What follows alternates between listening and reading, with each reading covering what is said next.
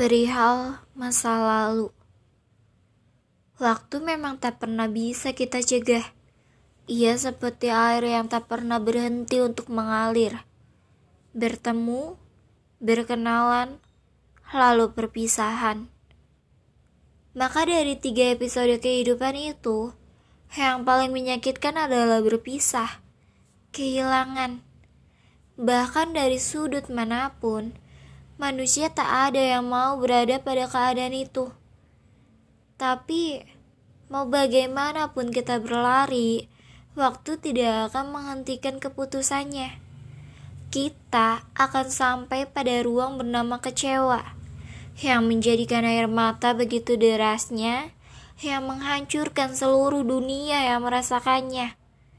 Kita akan sampai pada titik itu, titik terkelam. Saat itu aku percaya bahwa sakitnya kehilangan begitu menyiksa.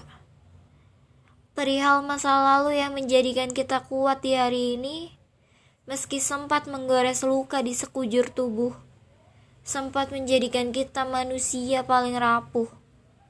Terima kasih sudah menjadi bagian terindah juga terkelam, mengajarkan banyak hal tentang kehidupan. Kehilangan memang akan menjadi cerita paling kejam.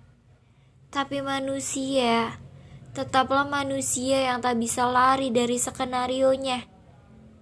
Kadang yang menyiksa memang dibutuhkan untuk datang bahagia setelahnya.